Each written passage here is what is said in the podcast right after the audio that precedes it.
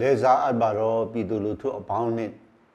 ကမ္ဘာနိုင်ငံတည်တည်တွေရောက်ရှိနေကြသည့်ပြည်ထောင်စုမြန်မာနိုင်ငံသူနိုင်ငံသားများခင်ဗျာယနေ့ဟာရှစ်လေလုံးအရေးခင်းလို့လူသိများတဲ့နေ့ထီဖြစ်ပါတယ်1988ခုနှစ်မှာတဘာဒီအာနာရှင်စနစ်ကိုဖြုတ်ချဖို့အတွက်တနိုင်ငံလုံးရှိចောင်းသားတို့နဲ့ပြည်သူလူထုတရက်လုံးပါဝင်ဆင်နွှဲခဲ့ကြတဲ့ဒေါ်လာကြီးရဲ့33နှစ်မြောက် တဲ့နေ့ထူတရက်ဖြစ်ပါတယ်။နောက်တနည်းပြောရရင်ဒီနေ့ဟာဦးနေဝင်းဦးဆောင်တဲ့တပါတီအာနာရှင်စနစ်ကျင့်သုံးတဲ့မြန်မာဆိုရှယ်လစ်လမ်းစဉ်ပါတီအစိုးရကိုဆန့်ကျင်ရင်းကျောင်းသားများနဲ့ပြည်သူလူထုများအာနာရှင်လက်ပါစေစစ်သွေးကြွတွေအောက်မှာသွေးမြေကြခဲ့တဲ့33နှစ်မြောက်တဲ့နေ့လေးဖြစ်ပါတယ်။ရှစ်လေးလုံးအရေးခင်အထင်မှတ်နဲ့ရောက်တဲ့ခါတိုင်း ကျွန်တော်တို့ပြည်သူလူထုတွေအနေနဲ့ဘာကြောင့်88အရေးခင်းပေါ်ပေါက်လာတယ်လဲ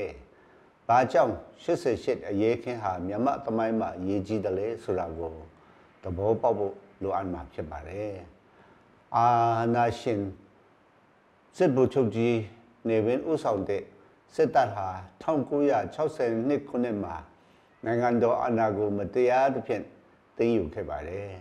အဲ့ဒီနောက်တဲပြည်ရဲ့ ပါလီမန်ဒီမိုကရေစီစနစ်ကိုဖျက်သိမ်းပြီး1994ခုနှစ်မှာ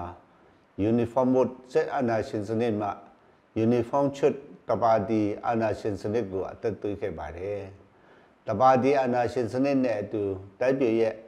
အနာဂတ်တွေလည်းလုံးဝပျက်စီးခဲ့ရပါတယ်။အရှိတောင်ရှာမှာအကောင်းဆုံးဖြစ်တဲ့ပညာရေးစနစ်ဟာ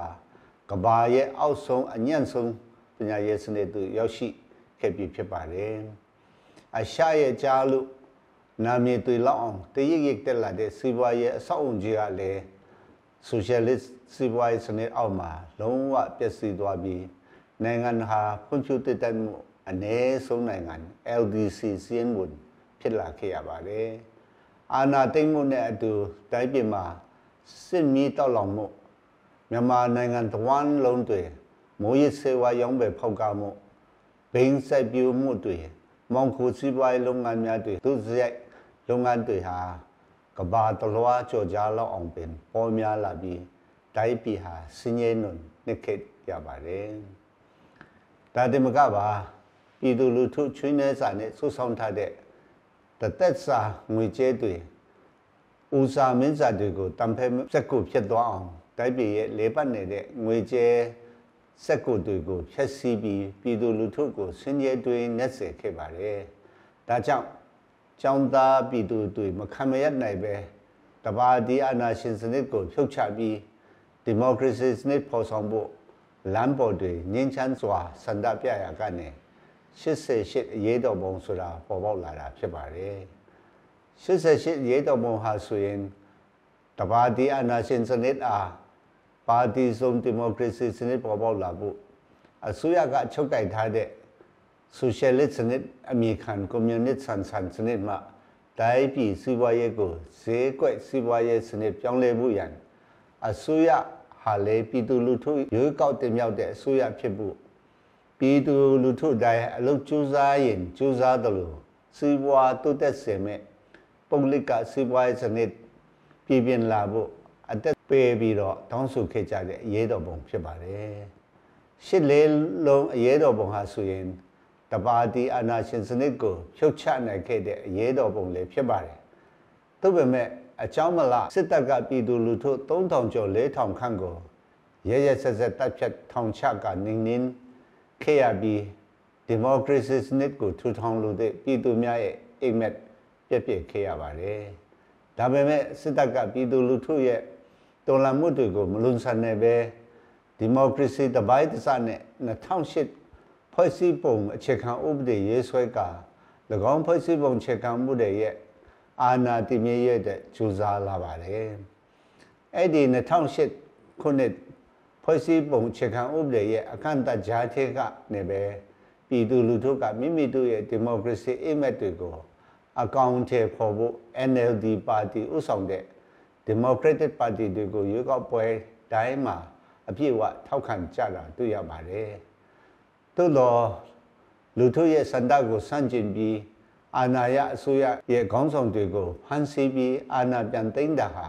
အင်မတန်မှအယုတ်ဆိုးအကြီးတန်းလူမဆန်ယုံတမကအာဏာရှင်ဆန်ပြီးရဲစက်ကြမ်းကြုတ်တဲ့လုပ်ရဖြစ်ပါတယ်ဒီနှစ်ရှစ်လေလုံးရဲတော်ပုံဟာဆိုရင်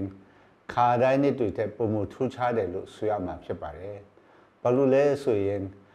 အာနာသိန်းစစ်တပ်ကိုစန့်ကျင်တဲ့ပြည်သူလူထုများဟာလမ်းပေါ်ထွက်အတက်ကိုပဒါနမထားပဲစန္ဒပြခဲ့ကြတယ်လို့တနည်းအားဖြင့်တမိုင်းတပတ်တန်လေခဲ့တဲ့နေ့ဖြစ်ပါတယ်ပြည်သူလူထုသွေးမြေကြတဲ့ရှစ်လေလုံးကဲ့သို့တော်လန်ရေးနေ့ဖြစ်ပါတယ်